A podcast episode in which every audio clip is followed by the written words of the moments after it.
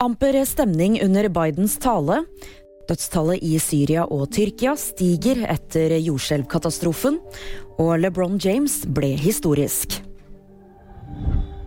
Natt til onsdag holdt president Joe Biden den tradisjonelle State of the Union-talen i Kongressen.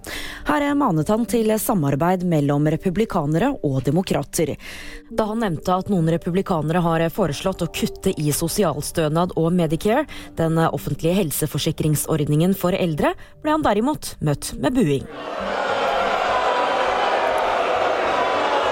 Let me give you anybody who doubts it, contact my office. I'll give you a copy. I'll give you a copy of the proposal. Antall døde i jordskjelvet i Tyrkia og Syria har passert 8100.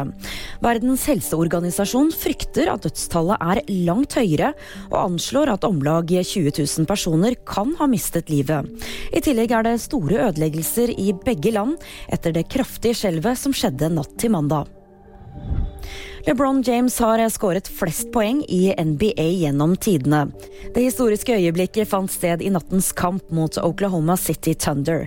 Dermed så har han nå rekorden med 38 388 poeng. Det var VG nyheter, og de fikk det av meg, Julie Trane.